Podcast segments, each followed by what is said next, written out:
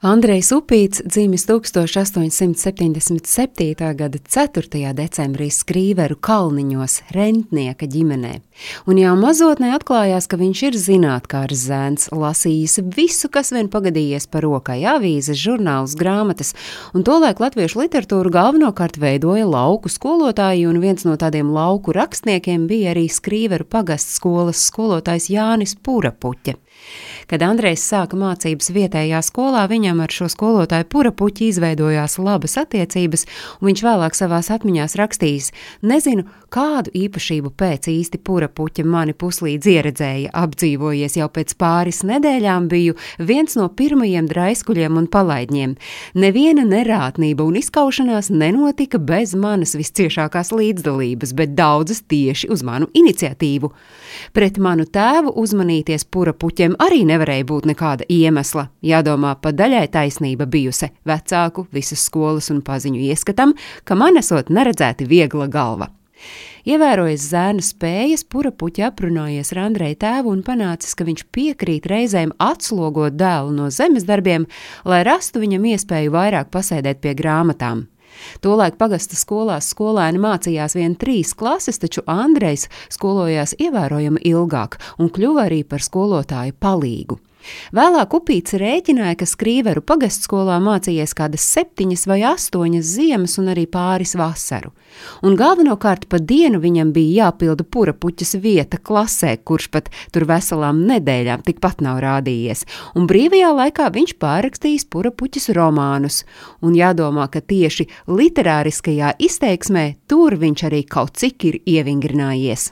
No skolotāja sasvītrotajiem un grūti salasāmajiem stāstu un lūgu manuskriptiem Andrejs uztaisījis tekstu, kas bijis lasāms skaistā rokrakstā, un jāpiebilst, ka lieliskais, gandrīz vai kaligrāfiskais rokraksts viņam saglabājies līdz pat sirmam vecumam, un tikai mūža beigās, kad pirksti vairs nav tik veikli klausījuši, viņš reizēm lietojas rakstām mašīnu. 18 gadu vecumā Upīts devās uz Rīgu, lai nokārtotu nepieciešamos eksāmenus un kļūtu par skolotāju skolotāju. Pedagoga darbu viņš sāka kā skolotāja palīgs pierīgā mangaļu skolā, bet vēlāk kļuva par pilntiesīgu skolotāju un strādāja dažādās Rīgas mācības iestādēs, tomēr sirds aicinājums nebija pedagoģija, bet gan rakstniecība, un 1899. gadā viņš debitēja ar stāstu vētrā un dzējoli gars, ko publicēja Austrumu kalendārā. No 1908. līdz 1915. gadam rakstnieks dzīvo Skrīveros savā mājā un ar īpašu aizrautību iekopja dārzu ap māju. Pēc Pirmā pasaules kara atgriezusies no bēgļu gaitām upīšu ģimene ierauga postažu, māja sagrauta, plašā bibliotēka zudusi, koki izcirsti. 1921. gadā uz veciem pamatiem uzceļ jaunu ēku, bet dārzu iekopja vēl plašāku. Līdz 1940. gadam te arī rakstnieks pavada vasaras, saraksta vēsturisko traģēdiju Mirabo, virkni komēdiju un daudz tulko. 1940. gadā viņš kļūst par Rakstnieku savienības valdes priekšsēdētāju un žurnāla karoks atbildīgo redaktoru. Sākoties otrajam pasaules karam, Andrēs Upīts ar ģimeni dodas evakuācijā uz Kirovas apgabalu Krievijā. Pēc kara atgriezies Rīgā, kļūst par Latvijas valsts universitātes latviešu literatūras katedras vadītāju un profesoru, Latvijas PSR Zinātņu akadēmijas valodas un literatūras institūta dibinātāju un tā direktoru, arī Rakstnieku savienības Savienības priekšsēdētāju.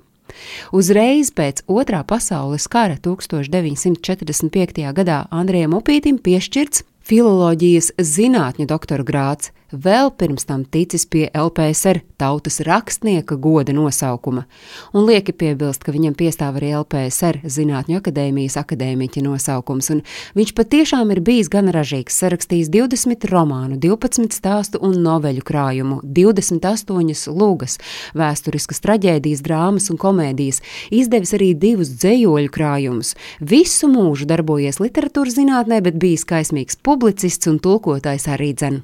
Izcils Latvijas dabas ainavu, plašu tautas dzīves panorāmu un spilgtu raksturu tēlotājs. Mērot un sverot sarakstītā apjomu, Andreju Upīti droši var saukt par čempionu, jo viņš ir visu laiku ražīgākais rakstnieks latviešu literatūras vēsturē.